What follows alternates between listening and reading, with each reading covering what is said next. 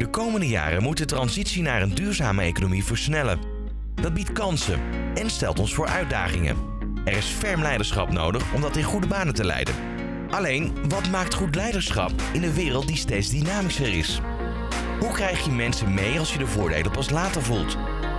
Dat en meer bespreken we met politici in de podcast De Minister van de Nieuwe Economie. Presentatie Michel Schuurman. Welkom allemaal bij deze podcast, waarin wij in gesprek gaan met politieke partijen om te verkennen hoe hun verkiezingsprogramma's de voorwaarden bieden om de nieuwe economie mogelijk te maken. Welke partij regeert straks met lef, rekent met echte prijzen en geeft duurzame ondernemers de wind in de rug? Als ondernemersnetwerk uh, dat werkt aan vernieuwing, gaan we hierbij natuurlijk juist ook in gesprek met de politieke nieuwkomers. De misschien zelfs benieuwde, maar toch uitdagers en veranderaars. En vandaag ga ik in gesprek met Nilever Gundogan, de nummer 2 op de lijst van Volt. Al lang politiek actief, eerst bij D66, maar sinds de oprichting voelt ze zich heel erg thuis bij Volt. Ze is ooit gestart als ambtenaar uh, bij de gemeente Amsterdam en later als zelfstandig ondernemer uh, aan de slag gegaan met een breed scala aan vaak maatschappelijke thema's. Uh, dat doe ik uiteraard vandaag ook weer samen met Michel Scholten, de minister van de Nieuwe Economie. welkom in de studio, uh, Nilever. Dankjewel. fijn dat je de moeite hebt genomen. Dankjewel. Uh, we volgen in dit gesprek de drie kernpunten die we eigenlijk vanuit NVO Nederland uh, belangrijk vinden. Dat is klimaatneutraal, circulair en uiteindelijk inclusief ondernemen. Internationaal en nationaal. Um, en ja, dat gaat natuurlijk ook over een overheid met lef die op dat thema uh, veel te bieden heeft. Nou, Volt is natuurlijk een internationale partij. daar gaan we het zo over hebben. En jij stelde zelf, en daar wil ik eigenlijk eens mee beginnen. Een stukje wat ik las wat volgens mij van jouw hand is. De geglobaliseerde wereld is nu eenmaal gecompliceerd. En in plaats van de politiek te reduceren tot simpele slogans, wil ik de kiezer het hele verhaal vertellen. Tegelijkertijd wordt de politiek uit angst voor de kiezer steeds conservatiever. Dat vind ik politiek van de vorige eeuw. En daarom maak ik me hard voor een nieuwe generatie, de politiek, die wel leiderschap durft te tonen. Ja. En dan is mijn vraag, wat gaan duurzame ondernemers nou merken van jouw leiderschap als je de Tweede Kamer komt? Um, nou, wat, wat mij opvalt tot nu toe al, is dat uh, er heel weinig eigenlijk wordt gesproken over hoe het systeem echt in elkaar zit. Uh, ik was gisteren bij een debat en dat ging over de toekomst van werk.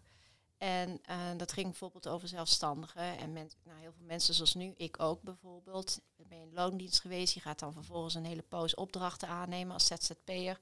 Nou, vervolgens ga, besluit ik om toch weer uh, in loondienst te gaan. Nou, dadelijk dus ik de kamer in mag komen, hopelijk ben ik weer in loondienst. Zo bouw je een leven op met allerlei verschillende contracten. Maar het systeem is er niet op ingericht. Het is eigenlijk nog steeds heel erg rigide. Gaat uit van klassieke cao's en sectoren. Dus het beweegt niet mee.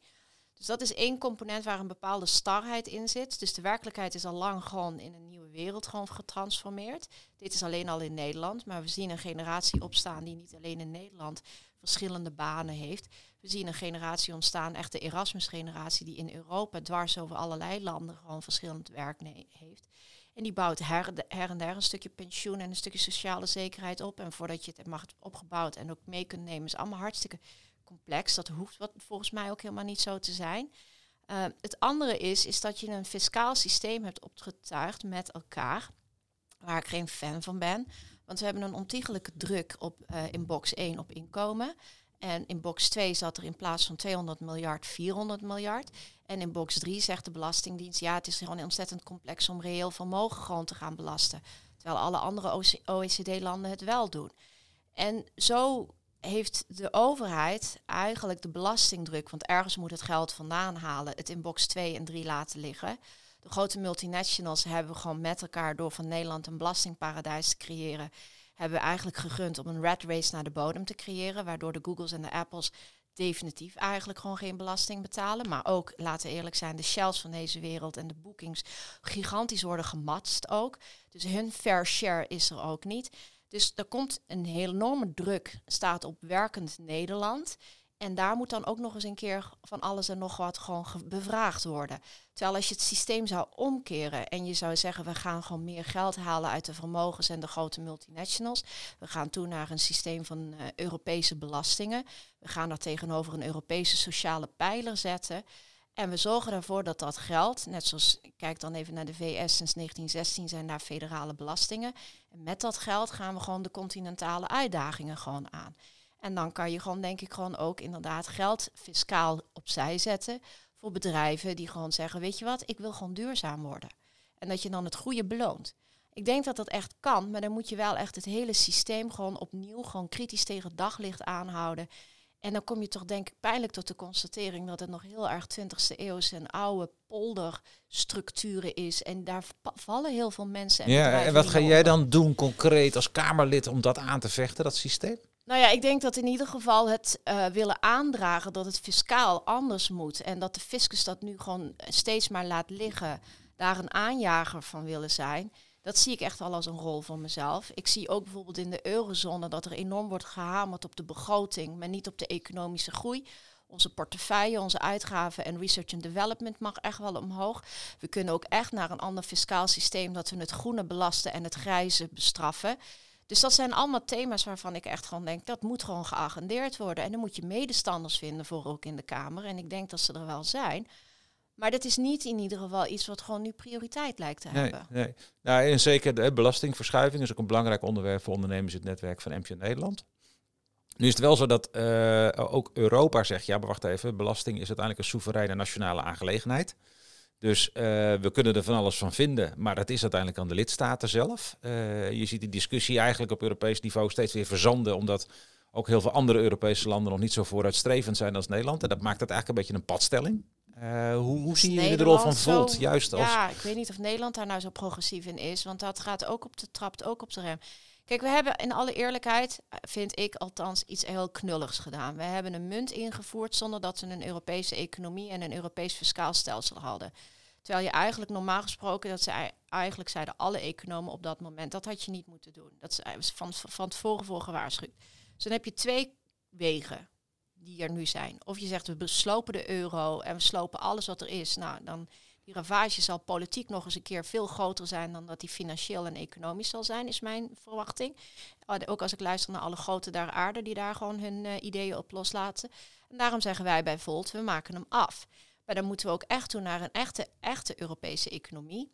En dan moeten we er ook voor zorgen dat er ook gewoon een Europees fiscaal stelsel gewoon gaat komen. En we moeten ook nadenken over een Europees. Waar komt die vandaan dan? Dat is mijn vraag. Want ik, ik ben even dan ook. Ik snap dat jullie daarheen willen. En zeker als Europese partij. maar de, de padstelling is dat landen zeggen. Uh, nou, er zijn landen voorstander, maar heel veel landen ook niet.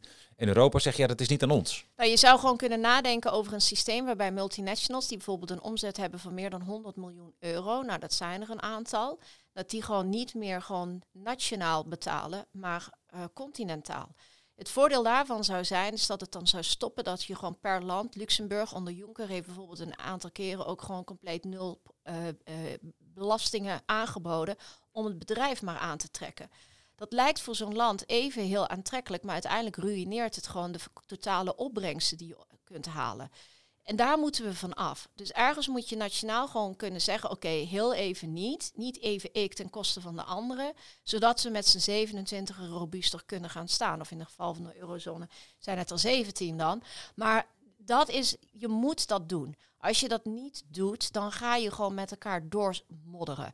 Dat is denk ik geen houdbaar recept. Wat, wat we nu zien, ik vind het gewoon oneerlijk dat de banketbakker bij mij om de hoek iedere jaar keurig zijn belastingen betaalt. En de Googles van deze wereld, bij wie we gewoon die miljarden verdienen en ons, de Apples van deze wereld, noem het maar op. Overal verkopen ze wat. Ze betalen nagenoeg geen belasting. Dat nee, is toch onrecht? De, de, nog heel even, maar Michel. Want de kern zit er dus in. Wat van een hoop ondernemers, denk ik, in ons netwerk spreekt dit aan. Alleen de kern zit erin dat dit iets is van soevereine staten. En dat je dus alle landen mee moet hebben in een unanimiteit in de huidige Europese regelgeving om dit te veranderen. Ja, en dat is die padstelling. En daar vraag ik dus, oké, eh, wat, wat wil Volt doen om die padstelling te doen? Nou ja, je moet dat gewoon ten eerste gewoon durven te agenderen. Kijk, je ziet gewoon nu al Italië gewoon zaak maken van het hervormen van de Italiaanse economie. Dus er zijn echt wel windows of opportunities om met elkaar gewoon eerlijk te zeggen. We hebben die euro ingevoerd. Die heeft gewoon bij een aantal landen zoals Nederland en Duitsland heel veel profijt gebracht. Boven natuurlijk eigenlijk zou je gewoon kunnen zeggen. Die munt is gewoon buitengewoon goedkoop voor ons eigenlijk. Voor de zuidelijke landen heeft hij gewoon heel veel misère eigenlijk veroorzaakt kan je gewoon zeggen, ja, ikke, ikke, ikke en de rest kan stikken. Of je kan gewoon zeggen, ja, maar weet je, wacht even. We hebben zulke grote uitdagingen met Rusland en China en de digitalisering en de big tech die geen belastingen betalen. Misschien is het toch maar goed om een heel klein beetje pijn te slikken, zodat we met elkaar kunnen werken aan een groter geheel. Nou, een Volt zegt, we werken met elkaar aan een groter geheel. Punt. Ja. Ik denk, kijk, als ik het hoor, dan herken ik wel wat problemen. Hè. De, um, noem het, ehm, ik herken wat problemen als het gaat over dat uh, grote bedrijven vanuit wereldwijde, um, of zeg big tech, die hier geen uh, belasting betaalt. En uh, de buurtondernemers die dat wel doen. Um, en ook het vraagstuk van de arbeidsmarkt, laat ik het zo omschrijven, en sociale zekerheid die onder druk staat. En ook de misschien doorgeschoten flexibilisering en ZZP'ers die um, ja, een arbeidsongeschiktheid hebben en geen verzekering kunnen krijgen, et cetera. Ik snap alleen uh, helemaal niet wat het voordeel zou zijn om dan um, vanuit de Nederlandse werkende, de Nederlandse ondernemers, belasting uh, af te dragen aan de Europese uh, Unie. Want ik kan me gewoon voorstellen dat we dan netto heel veel van dat geld ook steken in minder welvarende landen. Waardoor we effectief minder overhouden voor het inrichten van ons Nederland zelf. En ik denk uh, ook dat je nu in principe indirect ook. Even, ja, misschien nog één laatste ja. punt dat je indirect ook bijdraagt vanuit Nederland al aan Europa. Dus er gaan al, ik wil 50 miljard of zo per jaar naar het Europese, uh, naar de Europese Commissie voor allerlei uitgaven. Dus ik vraag me af, wat is daar de... de... De bedoeling is ook niet dat jij en ik belasting gaan betalen in Brussel. Wij denken zelfs dat gewoon de contributie van de lidstaten kan stoppen als ze maar de multinationals laten belasting betalen. Dus dan heeft Brussel er eigen portefeuille, zelfstandig. En dat zou, het lijkt een beetje zeg maar gewoon, ik ben hier niet helemaal expert in het Zweedse belastingmodel, maar in het Zweedse belastingmodel zie je dus gewoon hoe meer je verdient, dan gaat het, het allerhoogste deel gaat direct naar Stockholm. Het middendeel is een stuk, begreep ik, gewoon van de regio en de steden. En het laagste verdienende, dat wordt alleen maar lokaal opgehaald. Dus dat zou je dat model gewoon kunnen gebruiken. Dus nou alleen alle bedrijven boven de 100 miljoen euro. Dus dan maakt het niet uit of het in Athene zit of in Valencia of in Amsterdam. Maakt niet uit waar je headquarters neerzet. Als jij meer dan 100 miljoen euro in Europa een omzet genereert, dat gaat naar Brussel. En wij denken, dit pin er niet op vast, want dit is een, een eerste verkenning geweest, dat je daarmee gewoon de lidstaten en de Europeanen kunt ontlasten van, van definitief een contributie aan Europa. En wij denken dat je daarmee gewoon een robuuste financiële huishoudboekje voor Brussel kunt genereren. Wat Brussel kan inzetten voor sociale uh, kwesties, voor infrastructuur, voor research and development, uh, pandemieaanpak wat we nu zien, beveiliging, defensie. Al die dingen die eigenlijk een grote federale staat à la Washington dus gewoon regelt voor de gehele natie. Die pak je dan voor Brussel, een eigen portefeuille. En alle andere laat je bij de landen zoveel mogelijk liggen. Met ook heel veel autonomie voor de regio's. Wij denken dus dat er een hybride model gewoon kan ontstaan. Dus het is niet Brussel slokt ons op. Brussel pakt alles wat wij grensoverschrijdend niet aankunnen. Dat wordt Brussels verantwoordelijkheid. Helder, en dat wordt gefinancierd uh, louter door het um, belasten van bedrijven vanaf een bepaalde grote omvang. Ja, dus echt de grote, grote bedrijven. Dus niet zeg maar gewoon de banketbakker bij mij om de hoek. Uh, mogelijk ook niet zeg maar bij wijze van spreken de kapper die gewoon in Nederland met franchise gewoon iets van 100 filialen heeft. Maar ik denk als je op het niveau uit gaat komen van uh, Unilever zeker. Helder. Als ik uh, een vraag mag stellen. En Nederland heeft zoals je weet ehm, verkiezingsprogramma's eigenlijk geanalyseerd naar aanleiding van de zeven thema's van de nieuwe businessagenda. En daar hebben we over gepubliceerd. En we hebben nu, en die komt volgende week naar buiten toe, dus dat is nog niet uh, gedeeld, dus dat kun je ook niet weten. Maar we hebben ook dus alle nieuwkomers, zeg maar, van politieke partijen nu ook langs die lat gehouden. En wat uiteindelijk dan opvalt, is dat een aantal van die partijen, Volt is daar één van, eigenlijk toch tot onze eigen verbazing, er niet zo heel positief op uitkomt. en als je dan wat inzoomt, dan denk je, hoe komt dat nou? Dus ja, dat de thema's waar ook ondernemers zich mee bezighouden er wel benoemd worden. Maar hij komt toch heel vaak en minder positief uit omdat het niet concreet wordt. Dus dan, ja, dan blijven er toch algemeenheden. Kun je een beeld schetsen dat, stel nou even dat Volt invloed heeft in Nederland. Wat is er dan over vier jaar anders in het Nederlands straatbeeld? Als ik gewoon door Utrecht of Amsterdam zou lopen, wat is er nou veranderd voor mij als Volt invloed heeft gehad? Over vier jaar, wat is er dan veranderd? Ja. Ik denk dat wij vooral gewoon heel erg veel werk hebben gemaakt van uh, het versnellen van de uh, klimaatdoelstellingen. Dat is in ieder geval, dat vinden wij echt veel te traag gaan. Um, dus ik zou daar gewoon fiscale koppelingen aan willen maken, dat het grijze wordt gestraft en uh, het groene wordt beloond. Vooral dat laatste. Ik geloof veel meer in beloning dan in bestraffing. Um, ik denk wat als het aan ons ligt, dan gaan we ook dat in producten zien. Dat we gewoon naar een systeem gaan van eerlijke prijzen ook veel meer. Want nu op dit moment, even een concreet voorbeeld, biologische druiven zijn duurder dan niet-biologische druiven. Maar als je de belasting voor de aarde uh, door zou rekenen, het water, dan zit dat niet in de prijs verdisconteerd. Ga je naar zo'n systeem, dan ga je dat wel doen. Dus dan wordt de biologische druif mogelijk zelfs goedkoper dan de niet-biologische druif. Hetzelfde geldt voor kleding. De kledingindustrie is een van de meest vervuilende industrieën die er is. Nou, daar mag ook echt wel een prijskaartje aan hangen, want ik geloof dat voor een wit t-shirt iets van 1700 liter water er doorheen wordt gespoeld. Eh, dus dat zijn echt allemaal zaken waar wij gewoon uh, veel meer werk van zouden willen gaan maken. Um, en daarnaast hebben we nog natuurlijk heel veel andere agenda's. We willen gewoon vooral ook heel erg hard inzetten op innovatie een hele stevige research and development agenda. wat betekent dat als ik dan door de straat loop? Wat, wat is er dan veranderd? Nou, dat zie je misschien niet aan een straatbeeld, maar dat is wel bijvoorbeeld uh, dat de universiteiten veel meer geld gaan krijgen om fundamenteel onderzoek te doen. Dat we het voor het bedrijfsleven aantrekkelijker willen gaan maken om in dat potje van research and development zelf ook een grotere bijdrage te leveren. Op dit moment zie je veel bedrijven, vooral grote bedrijven, die hebben op zich wel een groot potje R&D, maar het gaat vooral op aan de D en niet aan de R. Dus ze zouden ze veel meer eigenlijk mede-eigenaar willen maken van die R.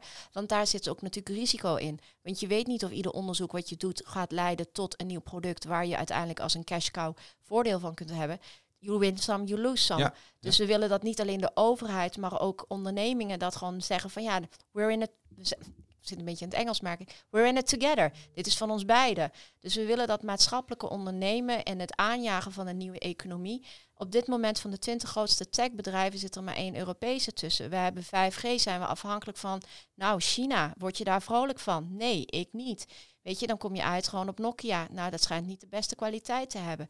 Dus er zijn een heleboel dossiers waarvan ik echt gewoon denk, als we dat Europees durven aan te pakken, ook met infrastructuur en dergelijke, zowel de digitale infrastructuur als de harde infrastructuur. We hebben geen treinnet wat gewoon, uh, als je nu met de trein naar Lissabon wil, sta je gewoon vijf uur te wachten bij de grensovergang van Spanje en Frankrijk. Al dat soort zaken maken het gewoon dat Europa eigenlijk nog niet voor de gewone Europeaan optimaal functioneert. En wij denken dat als je daar gewoon een aanjager van wil zijn als overheid, dan kan je het de bedrijfsleven aan je kant vinden en de ondernemer ook. Ja. ja. En misschien één punt.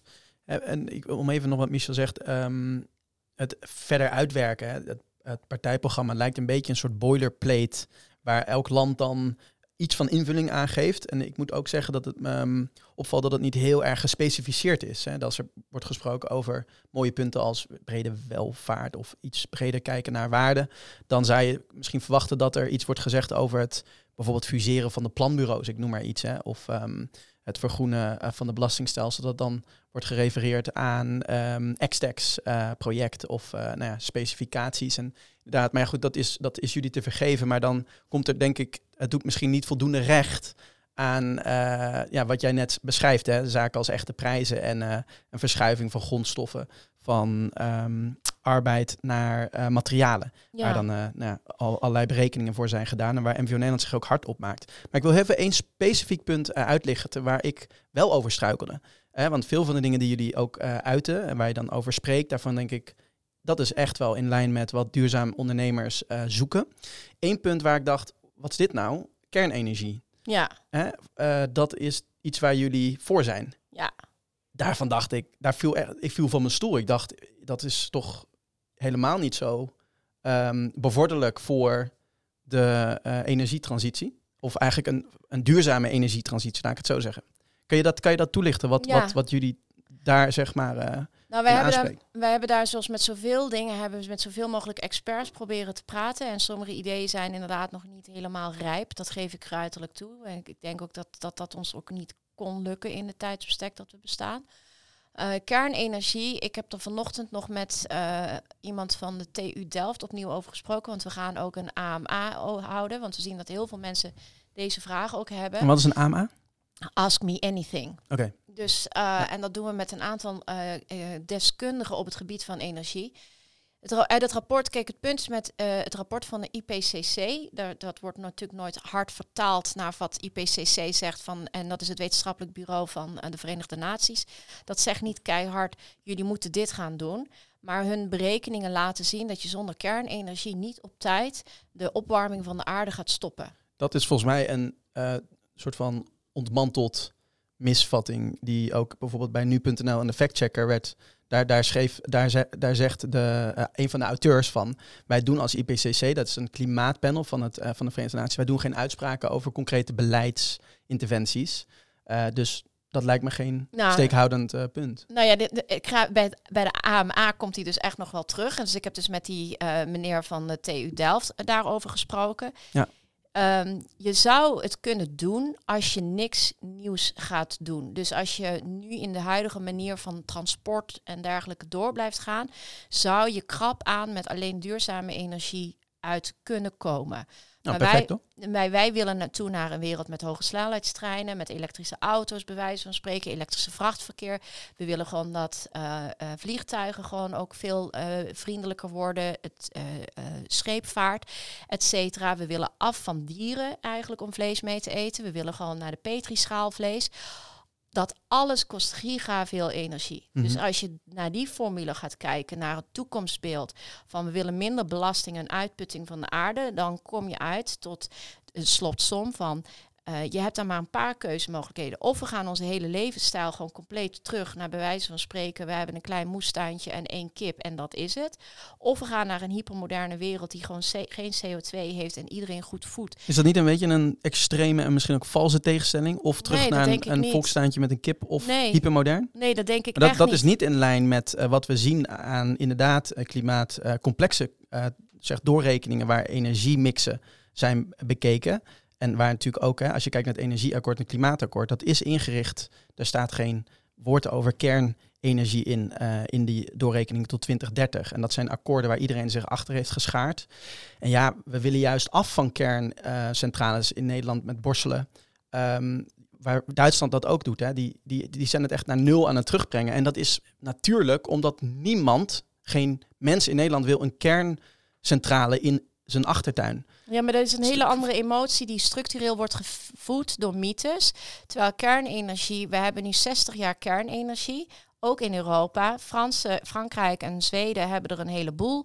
Eh, als je gewoon kijkt naar Zuidoost-Azië, China, Zuid-Korea. Er zijn er meer dan Japan. 400. Maar wil iemand een kerncentrale in zijn achtertuin? Wil ik bedoel, ik vind iemand het al dat, moeilijk. eh, dat permafrost definitief gaat smelten? Kijk, weet je, ik bedoel, als er een maar compleet... dat is een valse tegenstelling. Omdat dat er dus zonne-energie, er is windenergie. maar Er zijn allerlei vormen van energie. Als je dat blijkbaar, en eh, wat eh, Joris, zo heet die eh, beste meneer, gewoon zegt, als je dat allemaal naar een systeem toe wil gaan, dat het voldoende produceert en dat je het kunt opslaan, dan ga je gewoon naar een andere belasting van de aarde toe.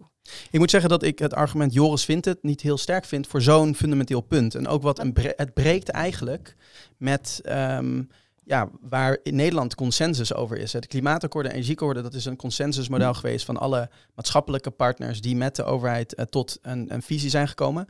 En ehm, nou, dan kan je nog zeggen, oké, het eh, daar is ook gezegd van nou, klimaatakkoord dat eh, sluit niet uit dat kernenergie ehm, mogelijk in de toekomst besproken kan worden. Hè? PBL heeft dat ook gezegd. Maar ze zeggen wel, dat wordt ver in 2030 ergens een scenario. Ten opzichte van de alternatieven snap ik niet dat je daarvoor pleit. Ook omdat maar die het- pleiten we ook voor. Wij, wat, wij, wat wij zeggen, want nu lijkt het net alsof wij zoals het een, een klassieke grijze partij die eindelijk een beetje wakker wordt. ja, en precies. Dat, is ook wat ik dacht. Nee, van, nee, hè? nee. Nee, maar, nee, maar pols? zo staat het ook niet in het verkiezingsprogramma. Kijk, er is nu een mix van fossiel en duurzaam. En die mix van duurzaam die is heel klein en eh, we hebben heel veel gewoon op fossiel. Daar willen wij van af. Wij zeggen gewoon fossiel moet eruit. Nou, Ja. Dan kom je gewoon in een situatie met duurzaam. Daar moet gewoon ook in duurzaam bijgebouwd worden. Er zitten ook allerlei beperkingen gewoon ook aan duurzaam in. Duurzaam heeft ook gewoon een belasting op de aarde. Want laten we ook even wel wezen voordat je een windpark hebt gebouwd. En dat kost ook allemaal CO2 voordat Nee, het staat. Maar dat geldt Nee, maar dat, d- voor dat alles moet- wat je kiest. Zitten natuurlijk eh, maatschappelijke kosten. Maar de maar vraag dat- is, nee, is het even, acceptabel dat je voor, voor, kernenergie dat soort Ja, want maatschappelijke ik kosten... vind wel gewoon, en dit is gewoon niet, kijk, wat wil je nou uiteindelijk? Wij zeggen die veestapel moet gewoon echt minder gaan worden. We moeten op een andere manier gaan produceren. We moeten op een andere manier gaan transporteren. Wij hebben daar gewoon onder andere met de ecomodernisten, met Hidde Boersma ook over gesproken. We hebben daar gewoon ook binnen Volt Europa heel veel gesprekken over gevoerd. En telkens als wij het gewoon bestuderen en wij zien de door ons ge- ge- geïdealiseerde wereld in de toekomst voor ons, dan is er, er geen koe meer geslacht, maar komt die van een petrischaal? Zijn er allerlei andere vormen? Ons transport wordt veel uh, uh, moderner, gaat heel veel elektriciteit allemaal in om.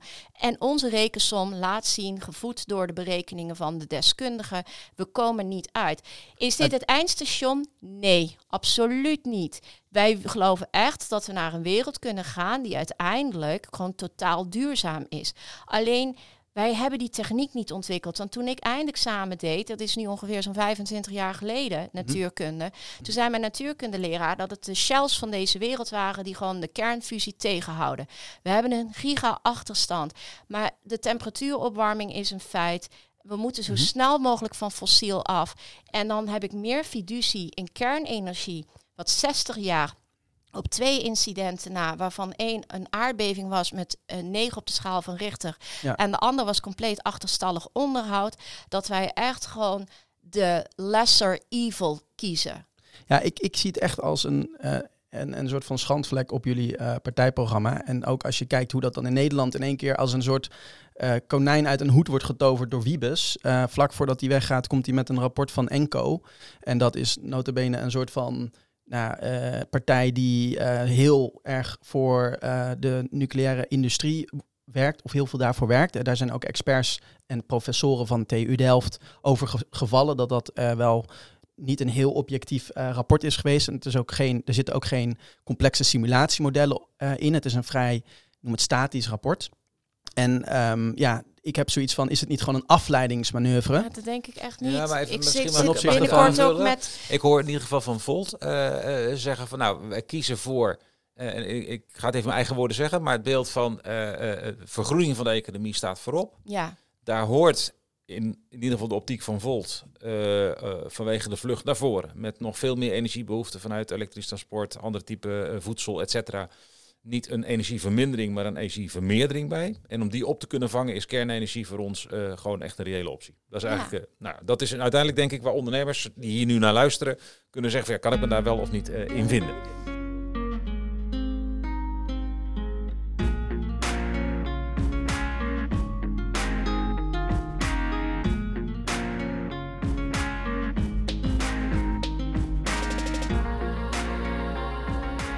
Derde en laatste punt wil ik graag naartoe. Uh, en dan zoomen we toch iets meer in op de Nederlandse MKB-ondernemer. Als ik kijk naar het programma van Volt, ik zei het al, het, het, is jullie, het zijn grensoverschrijdende thema's. Uh, klimaatverandering, maar ook migratie, corona, et cetera.